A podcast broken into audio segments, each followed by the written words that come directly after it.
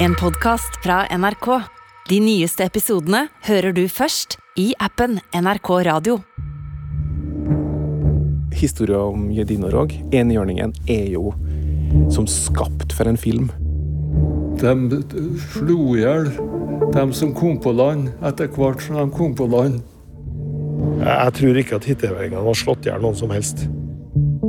Enn at du har alt det her. Jeg visste, visste ikke at det fantes noen dokumenter engang. De Bergensjournalene er en gullgruve til å, til å utforske forlis. En natt for over 250 år siden synker et russisk skip utafor Trøndelagskysten. 120 mennesker dør i stormen. Eller blir de drept av den fattige lokalbefolkninga som vil plyndre skipet for å redde seg sjøl? Det her er mysteriet om dødsforliset. Jeg heter Kristi Hol.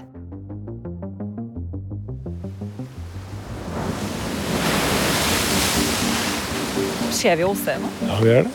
Ser det, det um, skjæret der. Det er det vi kaller for russbåen, da. Så russer. Det som er bak. Ba. Ja. Reporter Mari Walter Svenning er rett ved vraket til et av de verste forlisa som har vært ut her i storhavet. Helt ytterst ved øya som heter Hitra, som ligger et par timers kjøretur vest for Trondheim. Fortsatt vet ingen helt sikkert hva som egentlig skjedde den natta, men det tåles fremdeles om det. Marinarkeologene har dokumentert 21 kanoner som ligger, som ligger gjennom dypet her.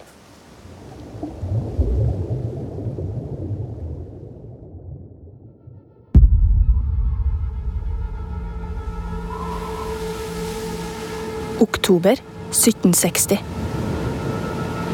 Seilskipet, som har navnet Jedinorog, som betyr enhjørninger, ligger med tre master tungt i den urolige sjøen. Det er lasta med kanoner og annet militært utstyr. Vinden har øka til storm. Det er kaotisk. Mannskapet på over 130 mann kjemper mot uværet for å redde skipet. Mange av dem er unge og helt ferske matroser.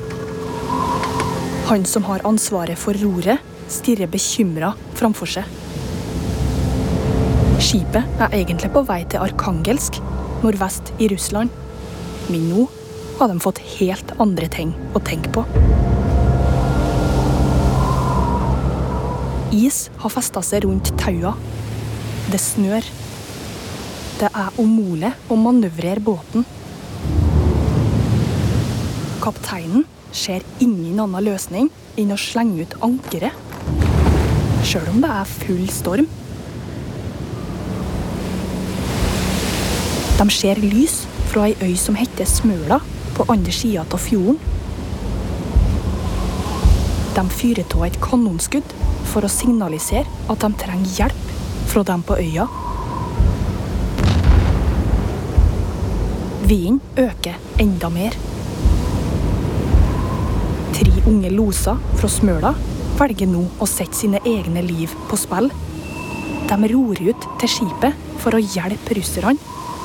De er jo bare kjent i fjorden. Men sjøl dem er til liten hjelp i det her været.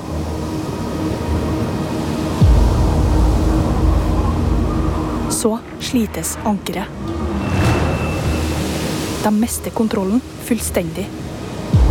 Jedinorog trekkes nordover, mot Sæbuøya. Berget nærmer seg i stor fart.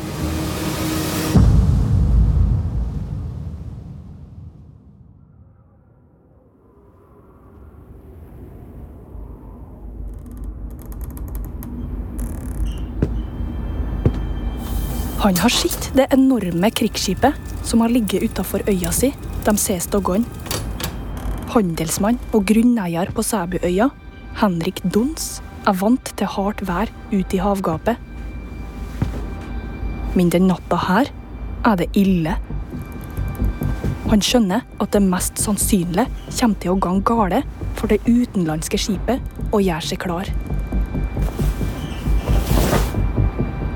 På 1700-tallet står det i lova at en må hjelpe til med å berge skip hvis det skjer et forlis. Det vet alle. Og det kan være dyrebare skatter om bord på et skip av den størrelsen. Ting som kan komme godt med for den fattige lokalbefolkninga.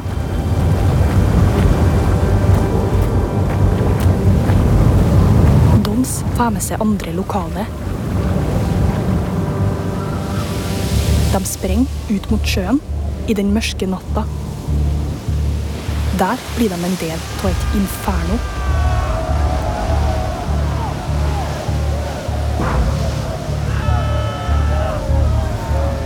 Og det er fra nå versjonene om hva som egentlig skjer, blir forskjellige.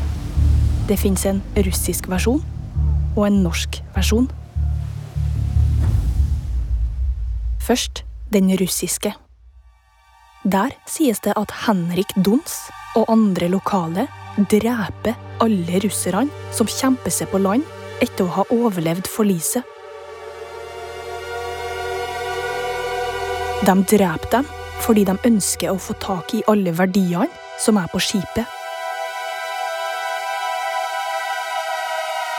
Så den norske versjonen. Den sier at alle russerne dør i stormen, og at hitterværingene rydder opp i vraket, slik det står i lova. De er helt uskyldige. Men det som skjer etterpå, er alle enig i. Hitterværingene må ta hånd om over 100 døde mennesker. De rydder opp det de finner av verdier i vraket. Det tar tid. Doggene går. Så skjer det noe ingen har forventa. En liten båt kommer fra Smøla. Med elleve russere.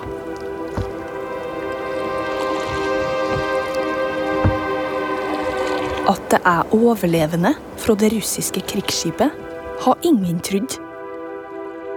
Men elleve russiske matroser blir sendt i land til Smøla midt i stormen for å reparere en båt.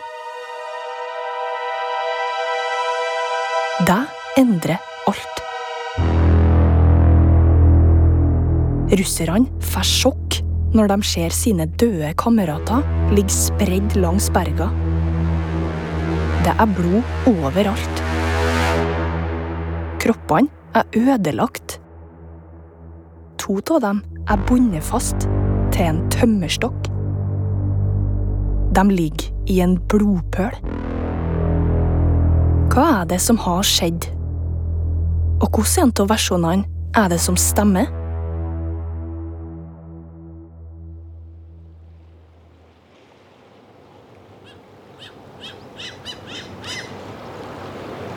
For meg er jo Hitra et fiskeeldorado og hytteparadis.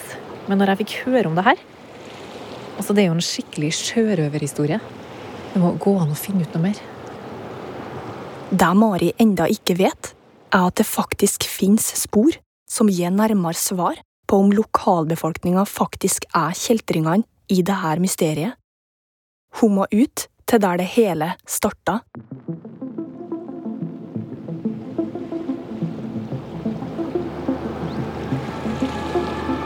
Hitra er omgitt av tusenvis av øyer, små holmer og skjær. Historien vår utspiller seg på en av de minste øyene, som ligger ytterst mot vest. Sæbuøya. Den er omringa av Ramsøyfjorden. Før i tida var det masse lasteskip som for gjennom her. De lokale kaller det sjøveiens E6. Sæbøya, nå som vi kjører rundt, det er jo egentlig et svært fjell. Og vi nærmer oss åstedet. Bjarne Johan Faksevåg er handelsmann på Hitra. Det lyse håret hans blafrer lett i vinden. Motorbåten beveger seg mellom de små øyene. Ut mot storhavet, til der marerittet oppsto.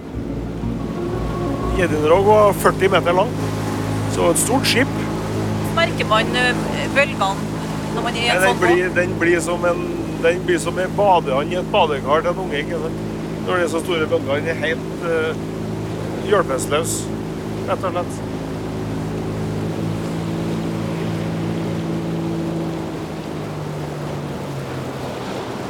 Sæbuøya er rundt tre kilometer lang.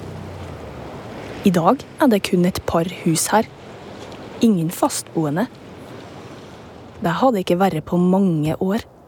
Nå har vi fast grunn under føttene igjen. Historien til den lille øya og det som skjer her en oktobernatt i 1760, er godt kjent blant hitterværinger. Under her så ligger det fortsatt Ja, ja. vrakrester. Der ligger det Jeg tror uh, arkeologene Marinarkeologene har dokumentert 21 kanoner som ligger, som ligger gjennom dypet. her. Men hva skjer egentlig den natta, da øyeier og handelsmann Henrik Dons mest sannsynlig våkner opp av kanonskudd? Tar han med seg våpen og er klar for å plyndre et skip? Jeg tenker med meg sjøl. Hvis jeg har våkna om natta til noe sånt, så har jeg da har jeg, vil jeg hive meg rundt tvert for å finne ut hva er det her for noe. Og så da å gå utover hit i det uværet hva var det som møtte den da, tror du? Nei, det var jo selvfølgelig sikkert skrik, eh, folk som er livredd, folk som dør. eh, Masse kaos, fullstendig kaos. Tenk deg 130 mennesker. eh, En båt på, som er 40 meter lang, med, med, med en enorm last om bord. Det var fullstendig kaos her.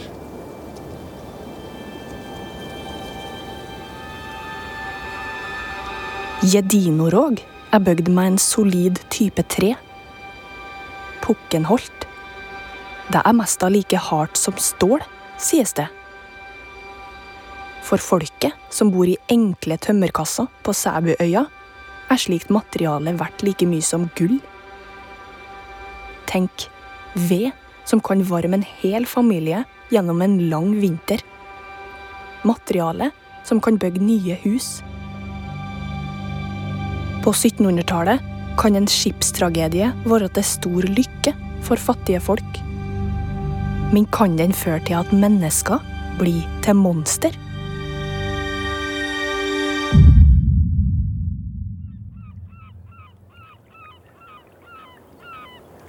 Jeg tror ikke at hitteværingene har slått i hjel noen som helst. For det, det matrosene ble slått mot berget her, de må omkomme, og da er du ille tilrett. Når du legger som et lik i fjæra, tenker jeg. Du tror ikke de var noen pøbler? Jeg personlig tror ikke det.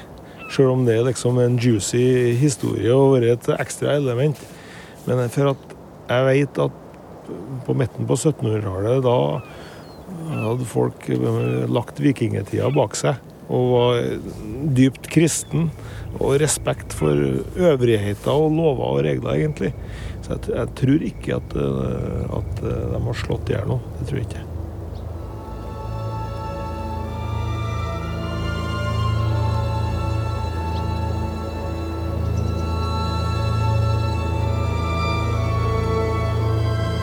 Nå er det blekkstilla. Så kan du Hvis du jeg hadde falt på sjøen uti her nå, så hadde vi hatt en fair sjanse til å komme oss på lag. Men når bølgene er 15-20 meter, så skal du, være, da skal du ha flaks med å komme inn i ei bukt og så komme deg i le, så at du ikke blir slått i berget, liksom. Og når det er mørkt, og du ikke er kjent, og det er i oktober, og kanskje, kanskje er det eh, fem minusgrader òg, og du havner i sjøen, da er det dårlige odds.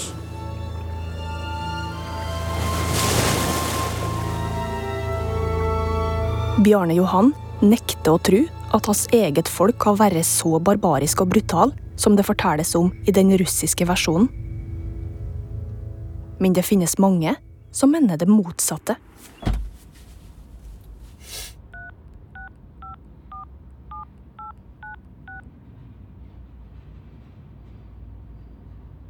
Ja, hei du. Jeg hørte at du var så interessert i det mysteriet om russerforliset. Hva som egentlig skjedde? Rett på andre sida av fjorden, ligger Smøla. Plassen der de overlevende russerne ender opp midt i stormen, og hvor de slår seg ned etterpå. Mysteriet er godt kjent der òg. Ja, supert. Da snakkes vi. Det er en som har litt info der, altså. Da må vi bare over til Smøla, rett og slett. Jeg tipper jo at de heier litt på den russiske versjonen der. Siden de tross alt bodde der i åtte måneder. Men nå skulle jeg jo virkelig hatt en båt, for jeg ser jo rett over til Smøla herfra. Men bilturen, den tar jo flere timer, faktisk. Ja, ja. Er hitterværingene anno 1760 barbariske mordere som ser sitt snitt til å tjene seg rik på skipet, og derfor myrder russerne og stjeler vrakgods? Det høres så brutalt ut. Men dit Mari er på vei, er det nettopp det de tror.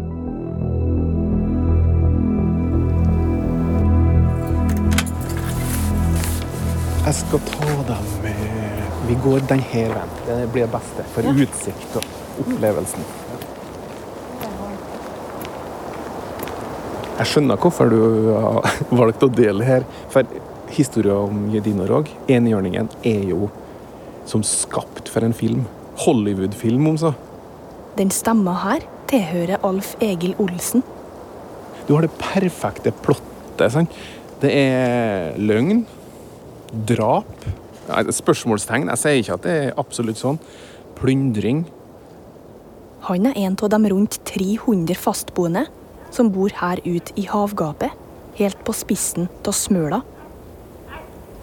Nå skal vi gå bortover til Nordsletta. På nordligste punktet så vil vi se fyret, og så vil vi se innseilinga til Ramsøyfjorden. Mannen, som er i 50-åra, går rundt i allværsjakke og viser fram hjemplassen sin. Her ute var det at eh, Jedinorog ankra opp først, for det var jo storm. Så da hørte de jo eh, sagt at de skjøt med kanoner uti der for å få hjelp. Og så sendte ut tre loser ut her fra Veialmynt. Så da kan man bare se for seg at det ligger et gigantisk seilskip rett ut her, Ja, egentlig. ja. Og losene setter seg da i, i robåter og ror liksom utover. Og så sies det da at da de ble heisa opp, så datt løsna ene kanonen om bord. Og ødela denne sjaluppen, altså den livsbåten, bergningsbåt eller føringsbåt, som var om bord Jedinorog. Og det skulle bli redninga til elleve av de her russerne. Som da dro til Smøla for å reparere den båten. Ja, det stemmer. Alle russerne som er igjen på skipet, dør. Og ifølge den norske versjonen er det av naturlige årsaker. Det tror ikke Alf Egil på. Det, det er jo sjelden at alle på et skip drukner. Og det er der det er mye spekulasjoner. Og her er det begynner å komme inn det som er spennende, da. Med, med tida etterpå. For hitterværingene ser jo muligheten til ressurser, samtidig litt spenning. Det er fremmedskip, mennesker. Hvis de har prøvd å skjule noe, så er det jo siste du ønsker at eh, overlevende plutselig kommer inn på banen. Hva tror du det var? Ja, jeg, jeg skal være forsiktig med å, å si forbastant hva som skjedde, men eh, det er Det lugga, i hvert fall.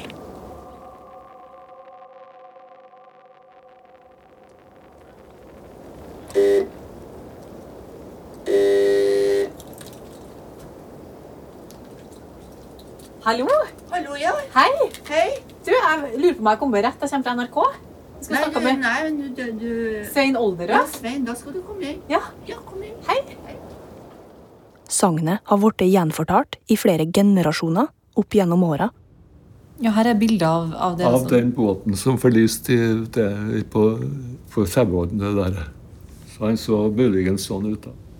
83 år gamle Svein Olderød er en av dem som har skrevet ned versjonen han fikk høre som unge.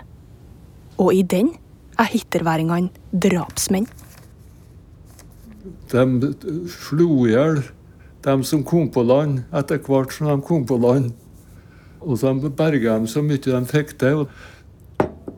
Men det er jo litt forvirrende, for de versjonene spriker jo veldig. Hva er det som egentlig er sant?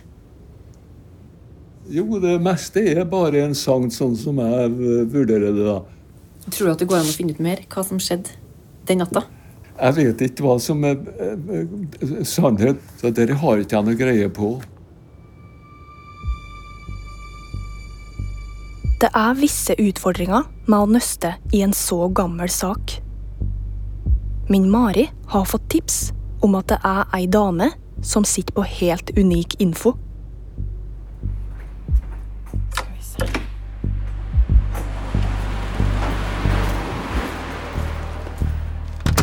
Hallo. Hun bor i Trondheim og har bruka ti år av livet sitt på å grove i gamle dokument etter skipsforlis. Hun må sitte på noen av svarene oss leter etter. Eh, det er ikke så enkelt å tyde den skrifta her. Er det, du, er det du som har gjort det? Ja, det er gotisk eh, håndskrift fra 1700-tallet, så den eh, krever jo, krever jo litt uh, tyding. På et lite kontor i et grått statlig bygg sitter dama som er i 30-åra og leter i dokumentene sine. Sara Hermanstad har master i forlis. Enn at du har alt det her. Jeg visste, visste jeg at det fantes med dokumenter. I bunken ligger svara som Mari er på jakt etter. De bergensjournalene er en gullgruve til å, til å utforske forlis. Når et forlis skjedde, så hadde eh, lokalbefolkninga plikt til å melde fra til fogden. Eh, og da skulle han komme og holde en sånn offisiell bergingsforretning, hvor han da skulle overvåke resten av bergingsarbeidet og sørge for at ting gikk riktig for seg, og, eh, og også litt om selve hendelsesforløpet rundt forliset og sånn. Og her sitter du med, med bergingsjournalen til russeforliset. Og så står det noe der som kan, som kan hjelpe meg å komme til bunns i det her mysteriet. da. Det, altså, det som er mest interessant, er jo at, at vi får en, en anklage mot hitteværingene fra russerne, som vi ser i Bergensjournalen. Da står det, det at de turte ikke å helt tatt oppholde seg på Hitra. Fordi de frykta hitteværingene. De var livredde. De trodde at de kom til å ta livet av dem. Så derfor så valgte de bevisst å bo på Smøla fram til de fikk skyss tilbake til Russland. Så det er grunnen til at de ble boende der? Ja, men samtidig så, så kommer det i Bergensjournalen ganske tydelig frem at, at fogden ikke tror på det her. Og derfor så slenger han med nærmest en sånn bisetning om at selv om ingenting ondt hendte dem. Sara har en teori om at fogden skal ha prøvd å dekke over det lokalbefolkninga har gjort. At han må ha skjønt at det var gjort noe ulovlig. Fordi det er flere ting som skurrer. Det er jo det der brevet fra Henrik Dohn som, som først fikk meg til å stusse på at noe var litt rart. Det fins faktisk et brev, håndskrevet av selveste Henrik Dons. Øyeieren varsla ikke myndighetene om forliset før over ei uke etterpå. Og det skulle han egentlig gjort med en gang. Her, ja. Kan du lese opp litt av det som Det her er brev når, Og det her ble sendt eh, oktober, ja. 27. oktober 1760. Han velger å sende et, eh, et bud til fogden dagen etter at russerne kommer roende over fra Smøla. Så i to uker så har hitteværingene vært helt alene. Så han hadde kanskje ikke noen planer om å si fra i det hele tatt? Er det tanken din? Ja, det er det som er tanken min. at Enten så hadde ikke tenkt å si fra i det hele tatt, eller så hadde han i hvert fall tenkt å vente en god stund, sånn at han ga seg sjøl og de andre litt tid til å berge unna litt først. I kildene har Sara til og med russerne si sjøforklaring, som blir skrevet ned to år etter at de kommer tilbake til Russland. Vi har sjøforklaringene til russerne her òg. Ja. Hvordan har du fått i tak i den, da? Det var i samarbeid eh, Når jeg jobba på Kystmuseet i Sør-Trøndelag, så tok vi kontakt med eh, Marinearkivet i St. Petersburg. Og fikk eh, til slutt, etter mye arbeid frem og tilbake, så fikk vi den oversendt.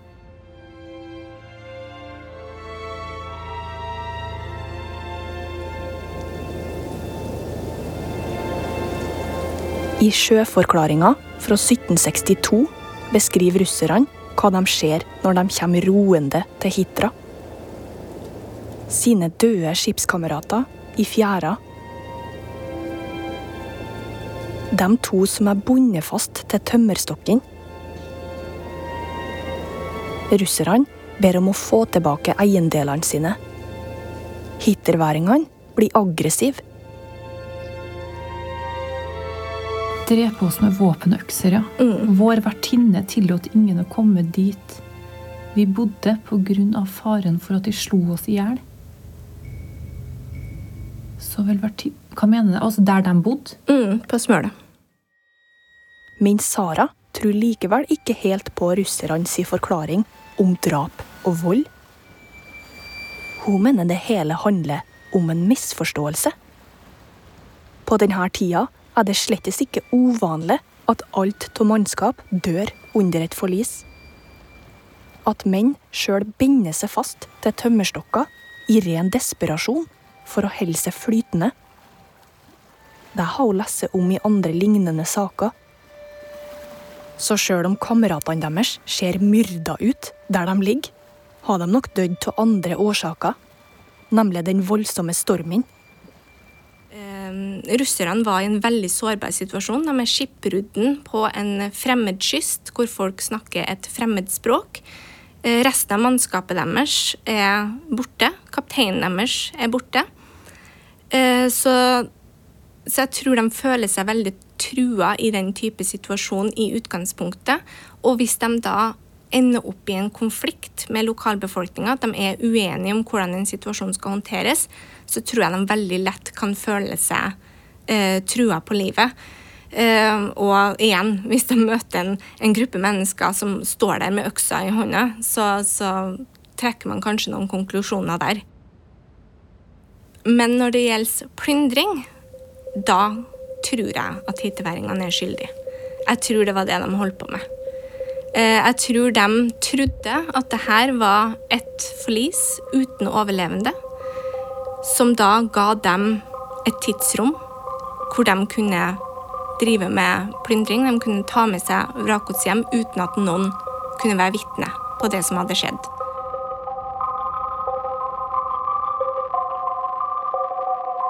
Manuset i den tenkte Hollywood-filmen må kanskje endres på. Litt mindre blod og drap. Om en skal ta hensyn til det vi finner i de gamle dokumentene.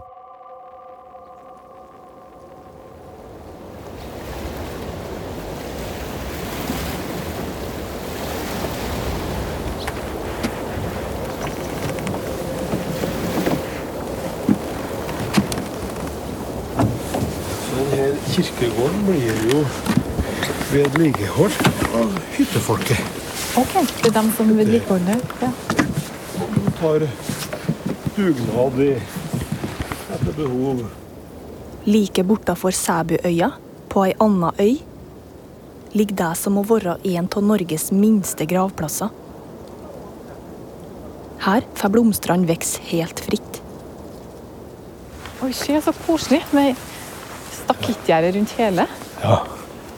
Og den fine Så her, de ligger her en plass. Russerne ble gravd ned.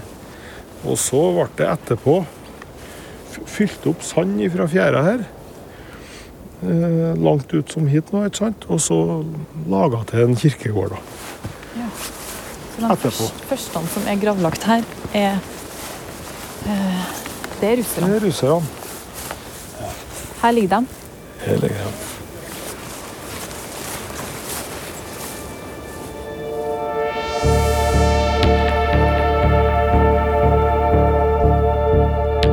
Se for deg at du bor på Sæbuøya i 1760. Du er kald og sulten. Den bitende veden trenger seg inn mellom de tynne treveggene. Så kommer et skip i stormen. Med skatter som gjør at du kan overleve vinteren.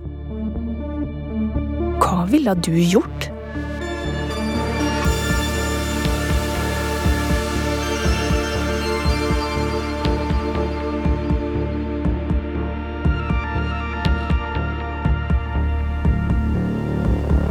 Du har hørt Mysterier fra Norge.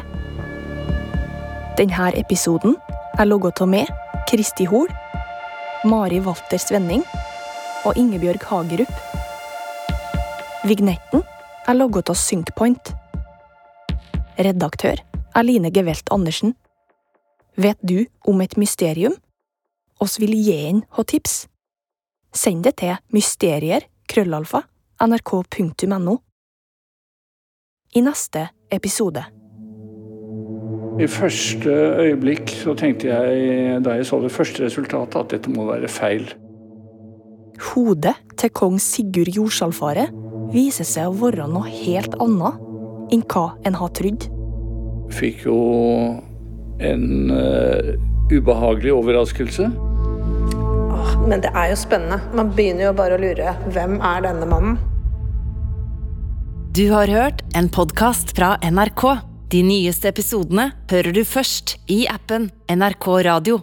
En podkast fra NRK. Jeg er på vei hjem fra skolen. Da gikk to gutter forbi, og han ene spytter da på meg og sier da 'jævla svarting'. På slutten av 80-tallet begynner det å dukke opp hakekors og andre nazisymboler på husvegger og postkasser i Brumunddal. Innvandrerfamilier i bygda blir livredde når de blir utsatt for stadige angrep. Da så jeg bare liksom at pappa lå i gangen. Hele puta var rød, liksom. Og, og det var blod overalt. Når antirasister og en gruppe kjente nynazister møter opp på et folkemøte, blir det bråk. Vi er norsk arbeiderungdom altså, som er for norsk makt. Altså. Og må kunne gå an å si at vi er for Norge og for Europa uten å bli kalt rasister. Jeg heter Kaja Frøysa, og jeg har laget dokumentarserien 'Gateslaget i Brumunddal'. Gateslaget i Brumunddal hører du først i appen NRK Radio.